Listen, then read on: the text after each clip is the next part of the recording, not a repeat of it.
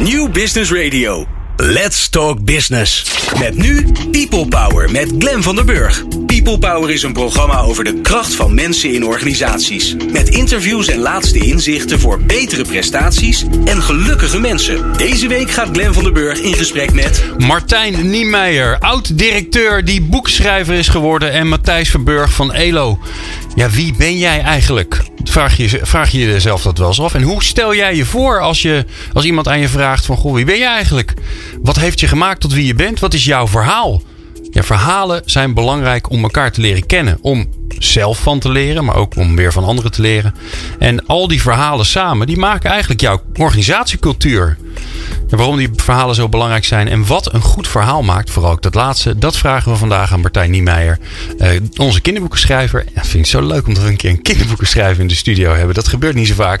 En Matthijs Verburg van ELO, want die zijn uh, vandaag uh, bij ons te gast. En we bellen ook nog met Sjoerd van den Heuvel. Hij is docent en onderzoeker bij de Hogeschool Utrecht. En we praten met hem over een onderwerp wat je misschien niet zo snel zou verwachten hier bij People Power, namelijk HR Analytics. Maar het leuke is, hij doet dat vanuit een heel mensgericht perspectief. Fijn dat je luistert naar People Power. People Power met Glen van den Burg. Met in de studio Martijn Niemeyer, uh, schrijver, kinderboekenschrijver van uh, twee hele mooie boeken. Wat niemand ziet en Otis. En Matthijs Verburg van Elo Heren. Fijn dat jullie er allebei zijn. Ja, ja, fijn dat we hier zijn. Ja, um, ik, ik zat mij voor te bereiden en uh, dan, dan zit ik altijd te bedenken: wat, waar ben ik nou nieuwsgierig naar? Wat wil ik nou weten? En terwijl ik dat aan het doen was, dacht ik: God, dat is best wel een uitdaging, deze uitzending. Want we hebben het over verhalen. Dus eigenlijk zouden we alles in verhalende vorm moeten doen. En nou, dat is me al niet gelukt bij de intro. Dus uh, dat, dat gaat alvast goed. Maar mijn eerste vraag, die is wel al die vraag naar een verhaal. Namelijk: Martijn, wat is jouw verhaal? Ja, dat is een grote vraag. Uh, en eigenlijk zijn er uh, heel veel verhalen. Maar uh, ik heb ooit literatuur gestudeerd. En toen ben ik, daar kan je niet meteen schrijver mee worden. En toen ben ik via een omweggetje, dat begint eigenlijk het eerste omweggetje, ben ik bij Weleda terechtgekomen. En daar was ik binnen een paar jaar commercieel directeur. En daar was ik eigenlijk op mijn plek, denk ik vooral omdat ik heel erg geïnteresseerd was in de verhalen die wij zelf maakten. Uh, namelijk teeltverhalen over bijzondere biologische rozen in uh, Turkije of uh, lavendel in Moldavië of nou, allemaal dat soort verhalen.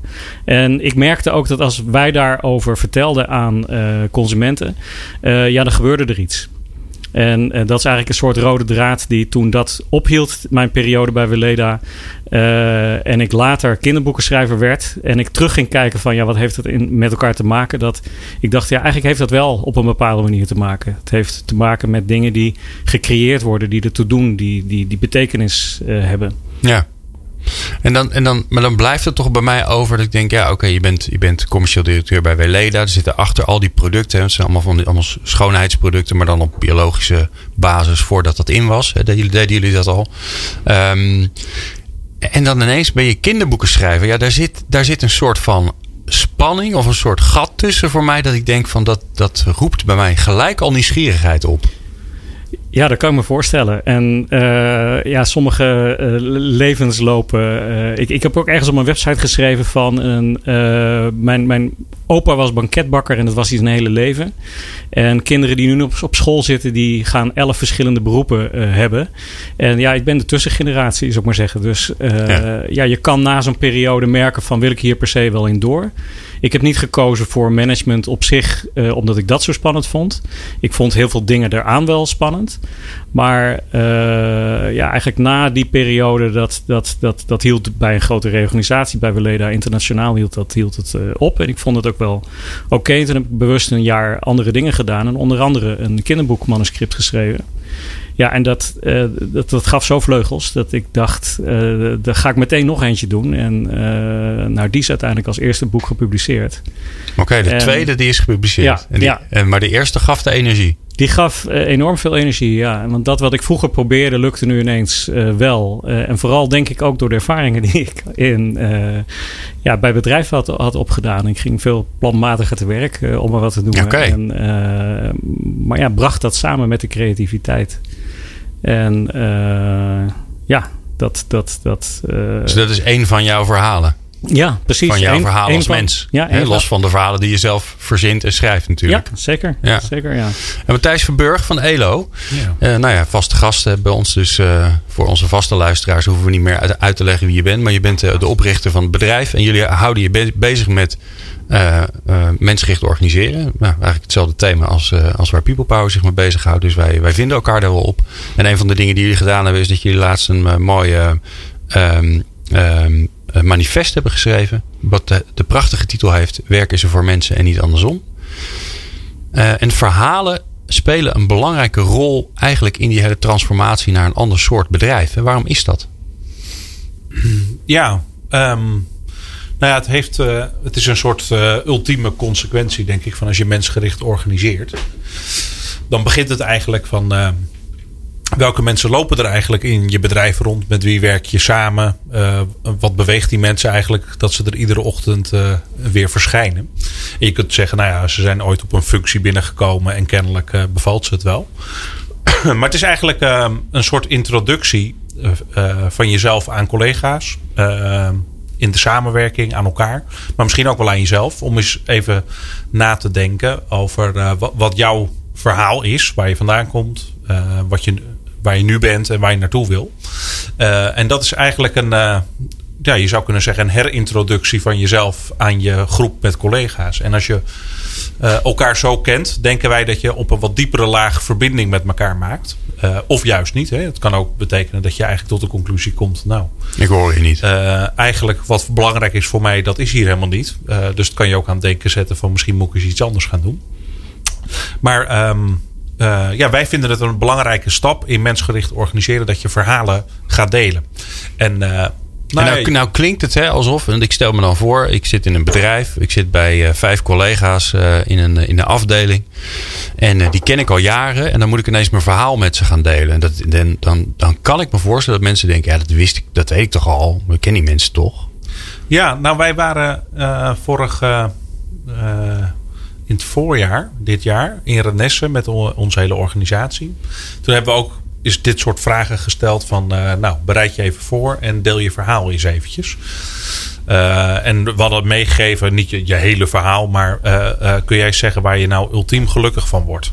En dat, je mag verder zelf bepalen waarom dat in zit.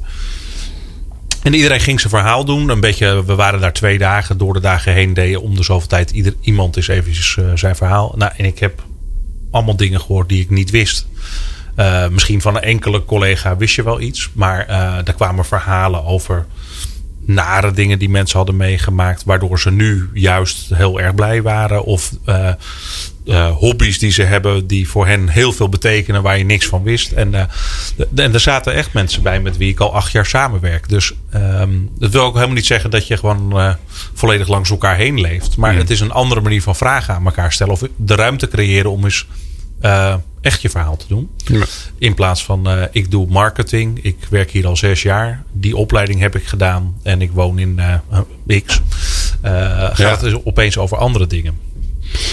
Ja, en, en wat, ik me wel, wat me wel lastig lijkt dan vervolgens is dat als je je eigen verhaal moet gaan schrijven, bedenken of achterhalen,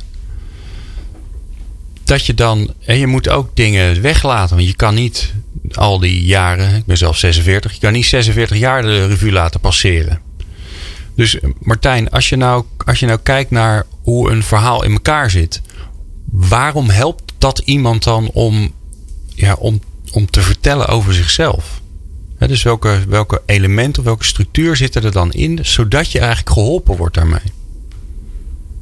Ehm, ja, ik, ik denk dat we een beetje hard gaan. Want er zijn, er zijn, je, je kan natuurlijk invalshoeken kiezen. Mhm. En die zijn denk ik eerst belangrijk om te kijken van eh, wat voor type verhalen eh, verbinden ook echt op een manier zoals eh, Matthijs net, net vertelt.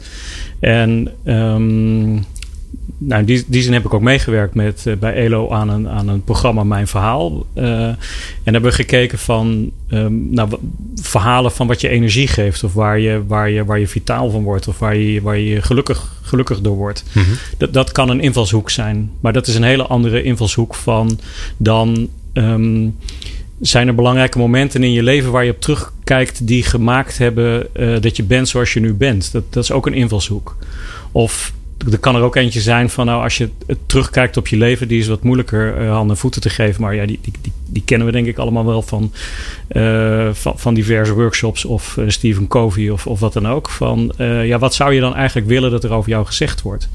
Of als je hem van nu naar de toekomst projecteert, van wat is je bucketlist? Of waar droom je van? Welke dingen wil je absoluut gedaan hebben? En door op die manier na te gaan denken, kom, kom je eigenlijk van, een, ja, van buiten naar binnen een beetje. Ja, ja. En dat dus het kan... begint eigenlijk met een, een vraag. Ja, ja, ja. En het verrassende, en nu moeten we het natuurlijk verder gaan uitwerken, maar het verrassende kan zijn dat dat wat voor jou energie geeft, uh, het verhaal is waar jij denkt, nou daar, daar, dat, daar ben ik helemaal. En terwijl die anderen zeggen, ja, die grote droom, daar ben ik gewoon al tien jaar aan hem bezig. En ik, ik ga gewoon die marathon lopen, weet je. En ik ben twee keer door mijn knieën gezakt. Maar ik, ik, ik, ik train weer met de fysio en uh, ik, ik ga dat halen. En dat is voor hem zijn verhaal. Dus dat kan in een ander uh, domein zitten, zeg maar, dan, dan, ja, van, dan van je directe collega. ja, en dat het per se over werk gaat zelfs. Ja, en dat is dus, dat is eigenlijk, denk ik, het stuk ervoor. En hoe je dan het verhaal gaat vertellen, is eigenlijk de volgende. Ja. Ja. Welke vraag stellen? Want je, Matthijs, jullie hebben de vraag gesteld: hè? waar word je gelukkig van?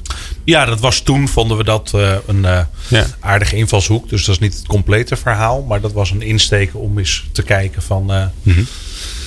Nou, goed om dat eens van elkaar te weten. En wat heb je nou binnen een organisatie nodig om, nou, om goed hè, om elkaar beter te leren kennen, om je aan elkaar te verbinden, zodat je beter gaat samenwerken, plezierig gaat samenwerken, makkelijke dingen van elkaar overneemt?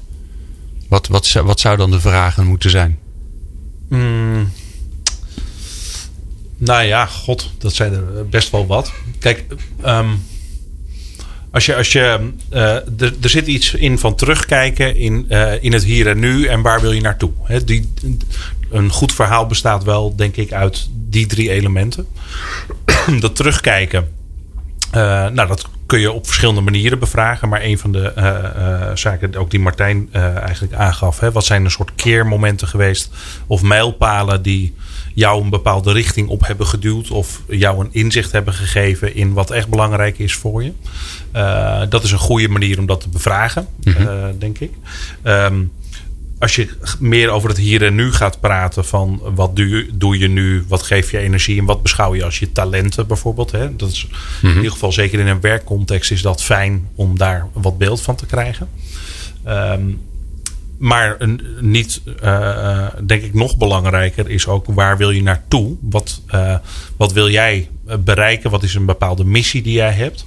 Loopt die synchroon? Hè? Die kun je ook mooi eens aan iemand vragen om die plot te plotten ten opzichte van waar je werkt en waar de organisatie die zit. Of wat die wil bereiken. Match dat met elkaar. Mm -hmm. Maar er kunnen ook dingen in zitten die gewoon voor jou persoonlijk belangrijk zijn om te bereiken. Nou, dat kan zijn dat je zegt, nou, ik ik moet die wereldreis maken. Of ik, uh, ik wil nog eens een keer uh, in mijn buurt iets uh, opgetuigd hebben of wat dan ook. Dus het, het kan ook naast je werk liggen. Maar het kan ook zijn iets wat je in je werk wil bereiken.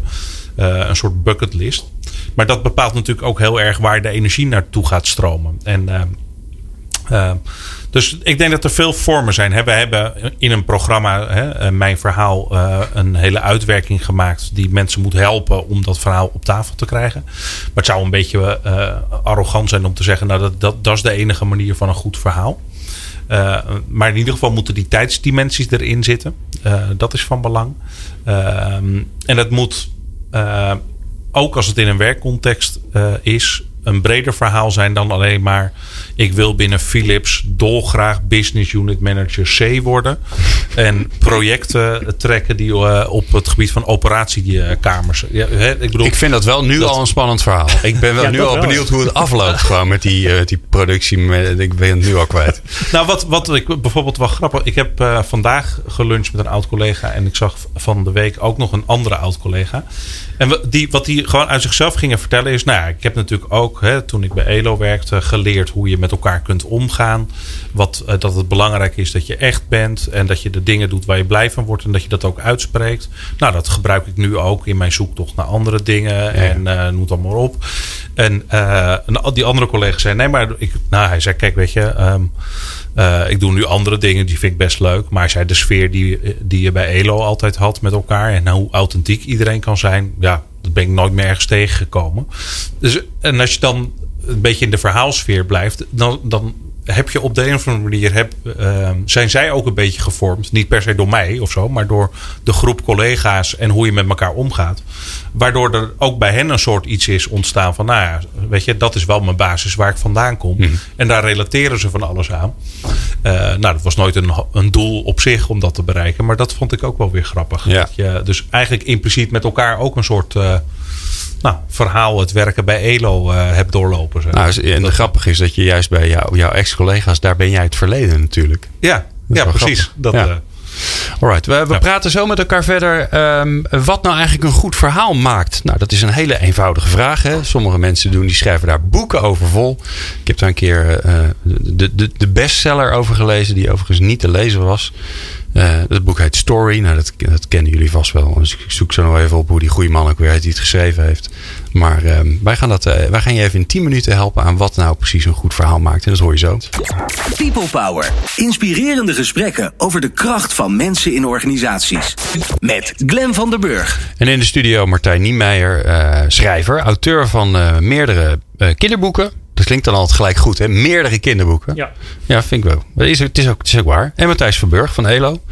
Um, we praten met elkaar vandaag over verhalen. En dat is natuurlijk hartstikke in. Hè? Je kan, uh, je kan, je kan geen, geen website bekijken of er staat wel iets in over storytelling. En als het niet er, er expliciet staat, dan wordt er wel een story verteld. Um, Martijn, als je nou kijkt naar verhalen, hè? want uiteindelijk is, gaat het natuurlijk om, gewoon om verhalen vertellen aan elkaar. Uh, wat doen die dingen nou eigenlijk met ons? Nou, toevallig ben ik, uh, had ik twee weken geleden ook een workshop gehouden en was ik van alles aan het, aan het uh, bijleren. Want ik ben ook maar gewoon een verhalenverteller en dan, dan, dan vertel je, dan, dan denk je daar eigenlijk minder over na. Maar het fascineert me eigenlijk met de dag meer. En ik, ik hoop dat ik dus ooit nog een beetje een specialist word en dan met recht hier in de studio zit. Maar in ieder geval wat, wat ik daarin tegenkwam was dat er allerlei onderzoek naar gedaan wordt en dat doordat je verhaal doordat je een verhaal leest of hoort, uh, kan je verplaatsen, leer je te verplaatsen actief in andere mensen, in andere situaties. Daarmee vergroot je dus eigenlijk je, je wereld. Je kan vanuit je luie stoel kan je uh, eigenlijk reizen, kan je op reis gaan en, en, en dingen leren. En um, wat belangrijk ook is, je leert het, het, de, de, belangrijke eigenschap empathie. En dat is in deze tijd waarin we eigenlijk heel veel uh, gefixeerde gevoelens hebben met sympathie en antipathie en, en, en, en, en meningen en weet ik wat, is het handig om uh, via empathie ook je dus in andere mensen te kunnen verplaatsen. En daarmee dus ook de verbinding waar we het net over hadden te kunnen maken, überhaupt naar iemand anders. Van hoe zou dat voor hem Nee. zijn? Wat heeft hij meegemaakt? Ja, nou, ja volgens mij uh, een van de dingen die, die heel lastig te trainen zijn. Ja. Maar jij zegt dus, die, die leer je door verhalen te horen, te lezen. Nou, er is in ieder geval, ja, er zijn meerdere onderzoeken. Dus er kwam in Science een paar jaar geleden. En er is een groep in Toronto die uh, laat dit thema ook niet los van wetenschappers die, dat, uh, die daar elke keer nieuwe uh, onderzoeken aan toevoegen. Om te kijken, ja, hoe werkt dat nou precies? En het is natuurlijk geen garantie dat als je een verhaal leest, dat je daarna dat een empathisch gaat. mens wordt. Dat is natuurlijk onzin. Zo, Ja. zo gaat het niet. Maar het kan wel helpen. Ja, Ja. ja mooi. Nou ja, reden te meer om, uh, om in organisaties daarmee aan de slag te gaan. Wat ik zelf altijd zie is dat er, dat er zeg maar aan de marketingkant best wel veel mee gedaan wordt. Maar intern in de organisatie, dus collega's onderling, hè, dus meer als een soort HR-instrument, dan, is het, uh, ja, dan wordt het gebruikt voor de recruitment. Maar dat is, dat is het dan wel. Ik ken nog niet zoveel voorbeelden van bedrijven. Ja, Elo die, die gebruikt het dan. Maar van bedrijven die daadwerkelijk het gebruiken om, om collega's onderling uh, ervaring met elkaar uit te wisselen. Hè, en elkaar gewoon beter te leren kennen. En daardoor hebben we net geleerd van Martijn dat, dat ze ook meer empathie voor elkaar gaan voelen. Um, ja, ik zou dan zeggen. Uh, uh, anything goes. Dus als het een verhaaltje is, er was eens, dan is het al prima. Of ik, ik, ik weet daar niet uh, precies hoe het zit. Ik kan wel zeggen wat mij raakt in, in bepaalde verhalen. En ja. Uh, ja, als er een bepaalde kwetsbaarheid is, als het, als het niet alleen maar stoer is en uh, toch weer buitenkant is van. nou, ik ben daarin heel goed. Ik ben een absolute teamplayer en ik kan. Ja. ja. weet je, dan, dan kom je toch weer in hetzelfde genre. Ik waar heb we, alle denk 21st century skills. Ja, ja, is dat een nieuwe? Is dat nieuwe die erin zit? Ja, ja. Daar, daar wil je natuurlijk van weg. Want, want ja, wat, wat schiet je er dan mee op? Dus die verhalen kan je natuurlijk maken. Uh, maar dat, dat, dat, dat levert naar mijn indruk minder op. Maar als je uh, ja, meer ja, bij wat voor jou belangrijk is kan komen. En daarin ook kwetsbaarheid uh, durft te tonen. Daarvoor is natuurlijk ook heel veel nodig in de organisatie om dat te kunnen doen. Maar dan, in ieder geval werkt het bij mij zo. Dat, dat zijn de verhalen die mij raken. Ja. En uh, ja, ik denk dat dat bij veel mensen zo is. Van, dus eigenlijk is een goed verhaal, daar moet in ieder geval emotie in zitten. Um, ja. Want de kwetsbaarheid, dat klinkt alsof het altijd moet gaan over de dingen die je. over ellende en gedoe. Nee, en, nee, nee, uh, zo bedoel ik niet kwetsbaarheid. Okay. Ik bedoel uh, kwetsbaar dat je, dat, je, dat je meer je openstelt. Dus, als je, Ja. dus ook, ook een droom is, is, een, is een kwetsbaar iets. Want uh, ja, iemand kan daar misschien ook een grapje over maken. Ja. Maar als je dat durft te laten zien, uh, dus ja, kwetsbaarheid en moed, ik weet niet, het zijn maar begrippen, maar, maar dat je iets, iets meer naar binnen gaat en uh, ja, wat minder de, de, de, gewone stoerheid van ik moet mijn rol goed verkopen, want uh, ja, dan ben ik ook bij de volgende ronde, bij het volgende project worden weer gevraagd of zo. Ja. Dat, dat maar. Als jij nou een boek gaat schrijven, waar begin je dan? Met allerlei beelden en ideeën en uh, ja, ja, ja, ja. Ja, dus dan, uh, ja, dan heb ik een beeld voor ogen en denk ik, wow, dat is, er zit een soort spanning op. Dus dat wordt, dan wordt het interessant. Hè? Want, want uh, dingen die uh, ja, zo aflopen, zoals de gewone dingen aflopen, zijn minder, minder spannend. Dus er moet een soort tegenstelling in zitten. Dus ik noem dat voor mezelf ook wel contrastverhalen. Er mag, er mag een hele misschien moeilijke werkelijkheid zijn, maar daar staat heel veel humor tegenover. Of in mijn eerste boek uh, meer poëzie heb ik geprobeerd echt op een manier zo te beschrijven dat de poëzie is een, is een soort van, of de poëtische schrijfstijl is een soort uh, tegenhanger daarvan. Uh, en ja, het leuke is, dan kan je best over thema's als verwaarlozing of weet ik wat schrijven. Um, en ook als ik daar dan bij klassen kom en daarover vertel, dan blijken kinderen um, ja, daar een buitengewoon scherp zintuig voor te hebben van, van ja, die kunnen veel meer aan dan wat je denkt. Hm. En daar kan je ook heel spannend met ze in gesprek over gaan. Ja.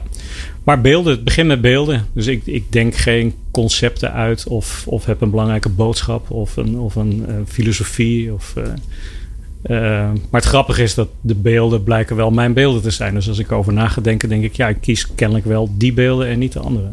Ja. Dus dat, ja. En noem eens een voorbeeld van zo'n beeld. Uh, nou, in mijn tweede boek uh, bedenk ik, uh, bedacht ik van, van er is een 17-jarige half Antilliaanse jongen die woont met een gekke moeder in een flat. En die moeder zit hem zo in de weg, die laat hij verdwijnen. En uh, ja, de rest van het boek vraag je af wat is er met haar gebeurd. Die laat hij letterlijk verdwijnen. Ja. Hij, en dat is dan jouw eerste. Dat is mijn eerste beeld. Ik denk, ja, dat is spannend. En daar begint het dan. Ja, dan heb ik, ben, heb ik nog net zoveel vragen als dat jij nu hebt. Ja, ja, ja. ja. Want dan denk ik ook, wat heeft hij in godsnaam gedaan? Maar, ja. maar zo, zo begint het. En, uh, en dan denk ik, ja, en, en dan moet hij voor een driejarig meisje zoek, zorgen die in een, die grote flat ergens achtergelaten is. En dan probeert hij die ouders te vinden. En, maar dat driejarig meisje, die komt later pas? Nee, die komt vrij Of zit hij al? Nee, maar begin. jouw beeld, hè? Dus jij, jij loopt ergens rond Ja, of je bent de afwas kan. aan het doen of iets anders wat totaal niet romantisch is. Ja, Want wij precies. denken allemaal dat de schrijvers zitten te mijmeren op een, uh, op een schommelstoel ergens. Ja, nee. Maar jij bent gewoon iets heel dag, dagdagelijks aan het doen. En ineens komt dat beeld van die Ja. Antilliaanse jongen die zijn moeder laat verdwijnen. Ja. En dat is het. Dat. Daar begint het mee. Ja, en dan kan het ook veranderen. Want ik dacht, uh, ik dacht eerst en dan gaat hij erover liegen heel veel. En dan ga ik heel erg op die leugens in. Ja, dat vond ik later eigenlijk helemaal niet interessant. Dus toen heb ik dat weer laten vallen. Zo, zo gaat dat natuurlijk ook. Het, het, het is nog heel kneedbaar. En, En dat, en is dat dan ook waar je eigenlijk, en Matthijs, ik ben even, ga even op zoek weer naar de, naar zeg maar de, de, de organisatie, werkelijkheid. Ga je daar dan ook, help je daar dan ook mensen bij in organisaties om daarnaar op zoek te gaan? Want ik kan me zo voorstellen dat als je met mensen aan de slag gaat om zelf een verhaal te schrijven, dat dat verhaal er best wel komt, maar dat het niet echt een goed verhaal wordt. En dat lijkt me zo zonde, omdat dat er wel in zit. Nou ja, kijk, we moeten ook denk ik niet uh, per se iedereen de maat gaan nemen van nou leuk dat je hier verhaal hebt gemaakt, maar we vinden het niet zo goed. Uh, het belangrijkste is natuurlijk dat het, het mag heel kort en krachtig zijn, uh, maar het moet authentiek zijn. Het moet echt over jou gaan en niet een verhaaltje dat je opschrijft omdat je denkt nou dit zullen mensen wel graag willen horen.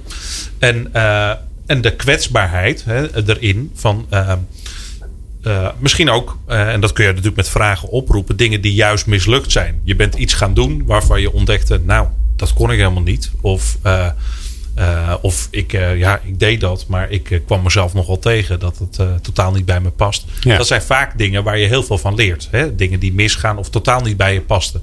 En daar kunnen we allemaal verhalen over vertellen. Het enige is, schrijf, schrijf ze eens op of vertel ze eens. Um, dus het moet, denk ik, een goed verhaal. Um, um, mag, kan kort en krachtig zijn en kan heel lang zijn. Maar het moet in ieder geval echt over jou gaan. En uh, er moet iets in zitten waarin je ook iets durft te onthullen. Wat uh, echt belangrijk is voor je. En uh, ja. ik denk als dat erin zit, ben je al een heel end. Ja, dat het niet een soort plichtmatig riedeltje is. Dat, ja, want dat vind ik wel mooi dat jij dat zegt, Martijn. Die spanning die moet erin zitten, ergens. En, en, en volgens mij, hè, maar dat vul ik het even zelf in. Heeft iedereen dat? Waar dan ook in. Je hebt allemaal iets gedaan waarvan je van tevoren dacht: oh wat eng, en ben het toch gaan doen. Of je bent juist niet gaan doen. Of weet je, iedereen heeft wel spanning in zijn leven, anders wordt het wel heel erg saai. En zelfs in je dromen, want waarom zijn er dromen en doe je het nog niet? Dus, dus er zit een spanning tussen wat je wil, maar nog niet ja. Uh, ja morgen al gaat doen. Ja. En. Uh, maar ja, het, het, brainstormen over hoe je een boek schrijft en hoe je je verhalen vertelt. Ik, ik denk verhalen in een bedrijf of over jezelf dat, dat laten zien, dat, dat, dat, dat kan eigenlijk niet een slecht verhaal zijn als het echt over jezelf gaat. Denk ja. Ik, van, ja, de vraag is dan meer: gaat het genoeg over jezelf? Ja, ben je kwetsbaar? Ben je jezelf genoeg en durf je het genoeg te laten zien? Ja. De momenten dat je het niet wist of dat je het juist fantastisch wist en hè, dus door die emotie erin te stoppen. Ja. We gaan er zo over verder praten. Maar we gaan zo eerst bellen met uh, Sjoerd van den Heuvel. Over iets heel anders. Over HR Analytics. Maar hij gaat het heel erg leuk maken. En weer heel erg mensgericht. Dus ik ben daar heel erg benieuwd naar. Dat hoor je zo. People Power met Glen van den Burg. Meer luisteren? people-power.nl HR Analytics. Niet echt een typisch onderwerp voor People Power. Ik hoor het wel eens langskomen. Ik ben wel eens op een congres waar het over gaat. Maar uh, ja, dat gaat over data en over wat je er allemaal mee kan doen. En soms kun je er ook dingen mee doen waarvan wij eigenlijk denken van ja, is dat nou wel zo handig? Ja, want je kunt ook gewoon kijken. Nou, je, zou, je zou misschien wel vanuit HR, HR Analytics, een rotwoord, uh, kunnen voorspellen of iemand misschien wel weg zou gaan of niet. Um, ja, we hebben het over de kracht van mensen en organisatie bij People Power. Over mensgericht organiseren. En het leuke is dat uh, Sjoerd van den Heuvel, die is docent en onderzoeker aan de Hogeschool Utrecht.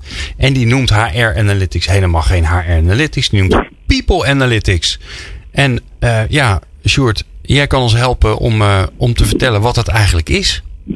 Ja, ik dacht al toen je HR Analytics noemde van uh, die ga ik gelijk eens corrigeren inderdaad. Want dat, ja, wij gebruiken een andere term. Wij gebruiken heel bewust People Analytics, net zoals veel andere organisaties overigens. Um, wat wij zeggen dat het is, is het, het, het linken van people aan organisatieuitkomsten. En dan heel specifiek het identificeren en kwantificeren van die people drivers, dus de knoppen rondom people heen, gelinkt aan organisatieuitkomsten. Dus aan welke knoppen kun je draaien om organisatieuitkomsten te beïnvloeden?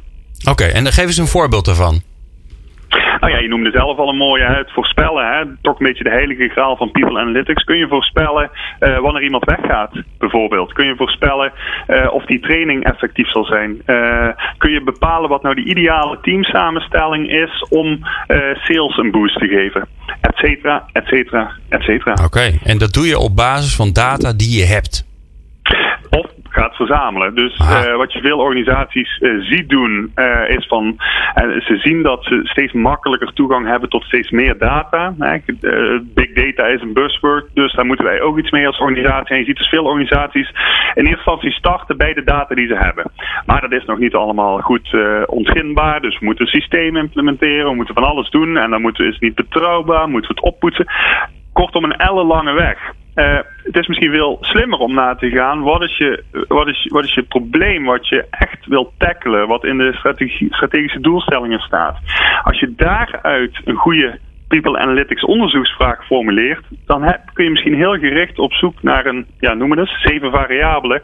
Ja, en daar heb je er misschien al drie van in systemen zitten. En misschien moet je er twee opnieuw beginnen te, te verzamelen. En twee kun je, eh, weet ik het waar vandaan halen. Hè? Of, of, of, of, misschien heb je die nog niet hè, tot je beschikking binnen afzienbare tijd. Prima, maar dan ben je dus echt heel gericht people analytics aan toepassen op iets wat van strategisch toegevoegde waarde is. En dat is in onze visie in ieder geval de essentie van people analytics. Dus niet zomaar analyseren, zoals laatst was um, ook IJsselstein van ABN AMRO bij ons les aan het geven. En die zei, tenzij dat analyseren je hobby is, hè, zorg dat je een probleemeigenaar hebt. Dus doe het voor die probleemeigenaar, voor het strategisch probleem. Ja. En nou, nou kun je natuurlijk, hè, stel je voor dat, uh, dat je echt dingen kunt gaan voorspellen. Hè, dat klinkt toch een beetje glazen bolachtig, maar in ieder geval met een zekere, een zekere kans dat, het, uh, dat, je, dat je in de buurt van de werkelijkheid gaat komen. Dan kun je daar natuurlijk ook dingen mee voorspellen waarvan ik dan denk, ja, hè, waar, waar zit de ethiek dan nog in het geheel? En, en ik, ik ga er een beetje van uit, maar misschien is dat een verkeerde aanname. Dan ga je me vast mee corrigeren dat jij het niet voor niks People Analytics noemt in plaats van HR Analytics. Nou, zitten, ik, ik vind het heel fijn dat je dit punt ook, ook, uh, ook adresseert. Bijvoorbeeld, uh, we hebben een master in de planning staan, die start in 2020. Om je een beeld te geven, 15% uh, sorry, 15 studiepunten. Dus 25% van die master richt zich op data privacy aspecten en op ethische aspecten. Dus dit is echt een, een wezenlijk onderdeel. En wat betreft dat HR-termpje in die naam, kijk, uh, het analytics gericht op dat grensgebied tussen mens en organisatie is niet bedoeld om te laten zien hoe geweldig die HR-functie per se bezig is. Of waarom dat het nodig is om uh, extra geld richting HR te doen. Want als je naar die definitie luistert, die ik zojuist zei, dat dat linken tussen die people drivers en organisatieuitkomsten, kan dat eigenlijk overal uh, in de organisatie belegd worden. Uh, en is dus ook best wel aannemelijk dat dat misschien op termijn richting een meer uh, overkoepelende functie gaat. Een enterprise analytics wordt er wel eens in de literatuur genoemd. Um, en de eigenaar daarvan blijft toch de business. Niet een functie, niet een staffunctie. Het is echt de business die verantwoordelijk is voor die link te leggen tussen people aspecten en organisatieuitkomsten. Hey, en uh, Sjoerd, nu, nu, nu, houden wij ons hier bezig met, uh, met ja, wij noemen dat mensgericht organiseren. En, en wat dat precies is, dat onderzoeken we steeds in, het, uh, in dit programma.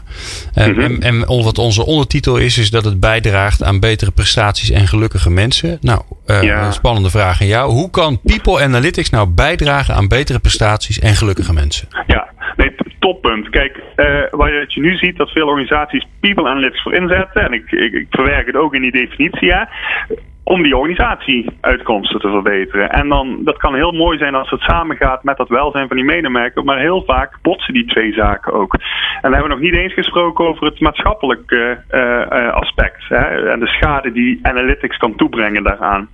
Um, en als je dan, en dat leren wij onze studenten, als je dan teruggaat naar die, naar die originele modellen van HRM, hè, pak het, het Harvard-model bijvoorbeeld uit de jaren 80. De essentie daarvan was dat je organisatie-effectiviteit, oké, okay, koppelt aan individueel welzijn en maatschappelijk welzijn. En wij moedigen organisaties dus aan om veel meer die driehoek op te gaan zoeken in plaats van het inzetten van people analytics ten behoeve van alleen maar die productiviteitsverbetering en die efficiëntieverbetering. En als we, als we daar als organisaties die verantwoordelijkheid nemen, dan draagt het ook aan jullie ondertitel bij. Kijk, nou. Straks word ik nog fan van People Analytics. Maar het moet toch niet gekker worden, hè? Dat zou heel mooi zijn. Dan ben je van harte welkom om bij ons onze kop koffie te doen. Nou ja, het wat wel grappig is natuurlijk, en dat hoor je natuurlijk wel veel in het, in het zeg maar, HR en mensenwerkgebied, dat iedereen heeft dat, zegt dat, oh, dat is de softe kant.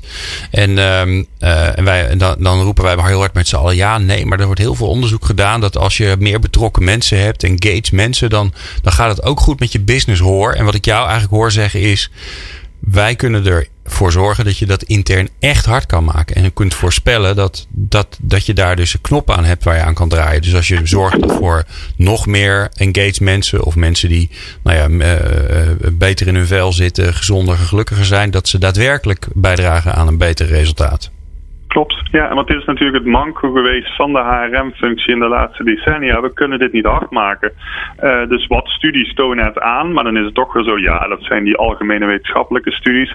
Maar het echt in de context plaatsen van die specifieke organisatie, daar zijn we niet goed in.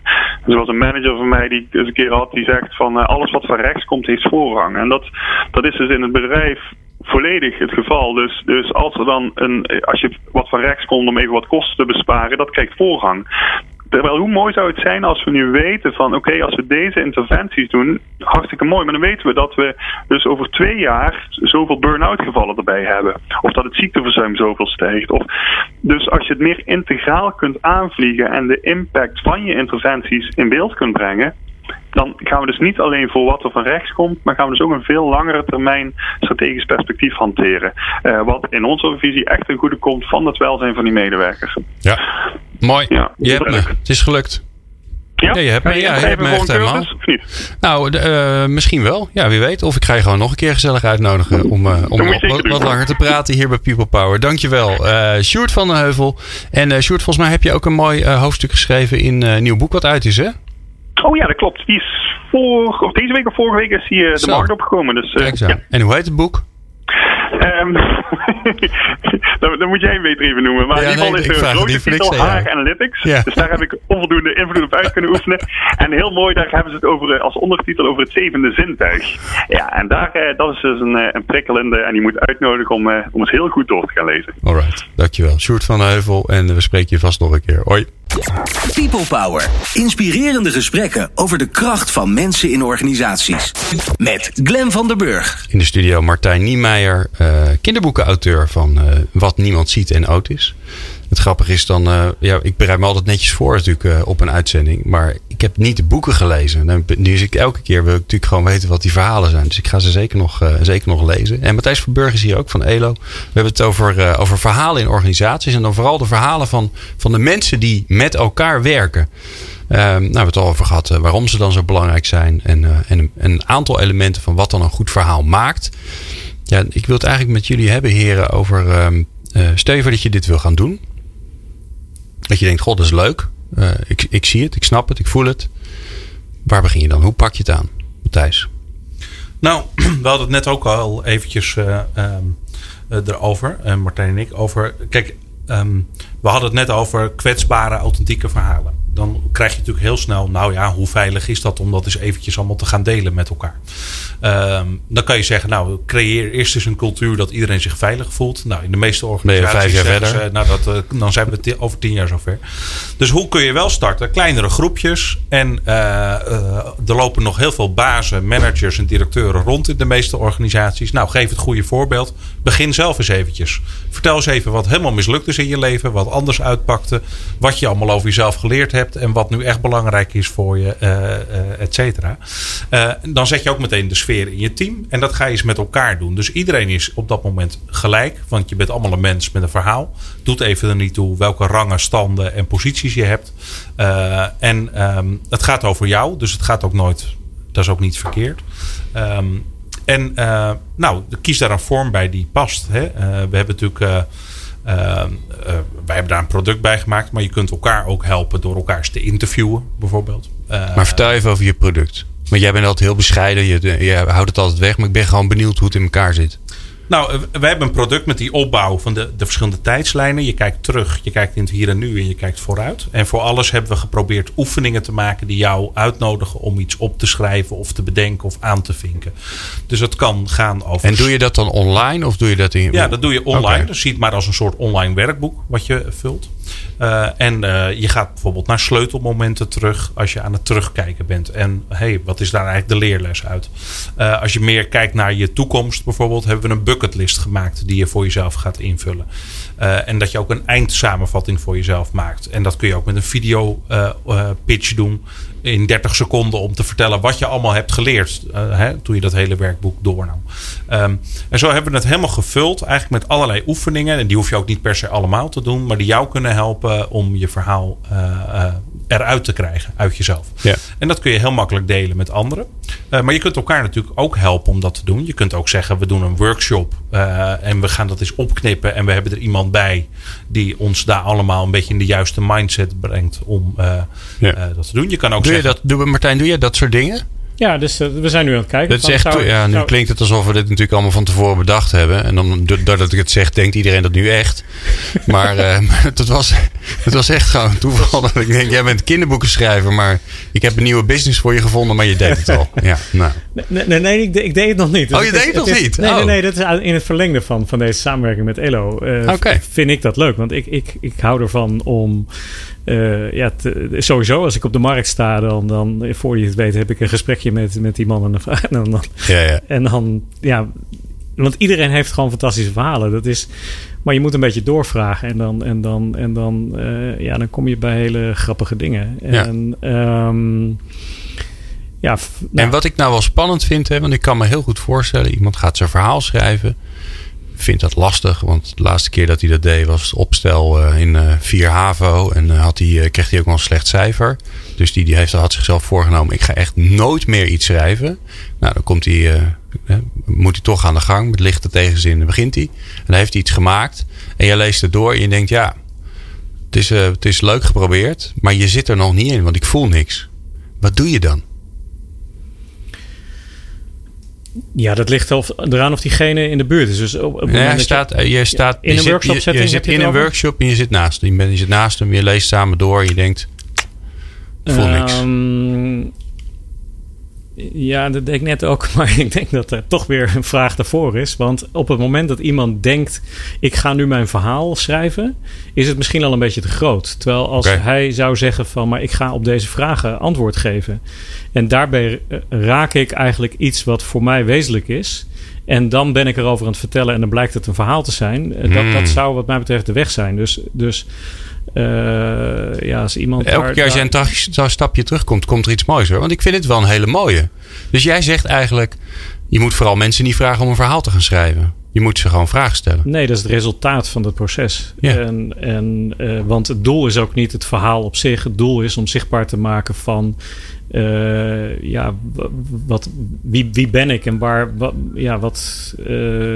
of, of zoals, zoals bij ELO hebben gewerkt... van wat betekent werk voor mij? Hoe kan ik dat verwoorden? Ja. Ja, en dat daar een verhaal van wordt gemaakt... dat is het resultaat daarvan. En, eh, en dat blijkt dan ver- eh, ja, verdraaid interessant. Ja, dus je- de eerste stap is vragen stellen. Ja, Dan, Ja. En dan komen er antwoorden en dan, en, dan, en dan merk je dat er een soort begin van een verhaal in zit. ja, Je denkt, hé, maar dat is, daar gebeurt er iets. ja. En, En als je dat ziet, wat doe je dan? ja, aanmoedigen om door te gaan. Ja? Ja, ja. Of nog meer vragen stellen. Of als het in een groepscontext is, dat bij elkaar te laten bevragen. Nee, er zijn allerlei werkvormen voor mogelijk. Ja. En als iemand zelf merkt van, oh ja, maar dat, dat oh, bedoel je dat? Want dat is het natuurlijk vaak. En zegt, ja, dat, dat bedoel ik. Daar, daar moet je dus nog op verder. Ja. En ehm, ja. Wat is er bij jullie gebeurd eh, eh, in de eigen organisatie, Matthijs? Na die, eh na die Renesse-sessie? Dat jullie met elkaar om, eh, om het kampvuur zaten en... eh, ja. Nou ja, je snapt elkaar beter. Je snapt beter waarom iemand eigenlijk bepaalde dingen juist wel heel erg doet en andere dingen minder. Je weet ook waar, eh, welke uitdagingen iemand zoekt waarvan je denkt: hé, hey, weet je, nu hebben we zoiets, daar moeten we die bij vragen. Dus je weet ook beter waar iemand aan bij kan dragen. En je weet ook beter waarom iemand eigenlijk werkt bij ons bedrijf met wat wij willen eh, bereiken. Dus je, ja, je hebt een diepere verbindenis. eh, ook omdat je gewoon elkaar beter snapt en kent. Dus je, ehm, en het zorgt er ook voor, dat is ook als je die kwetsbaarheid met elkaar deelt, heb je ook een soort meer ehm, ja, soort eh, respect voor elkaar, omdat je iemand wat completer ziet.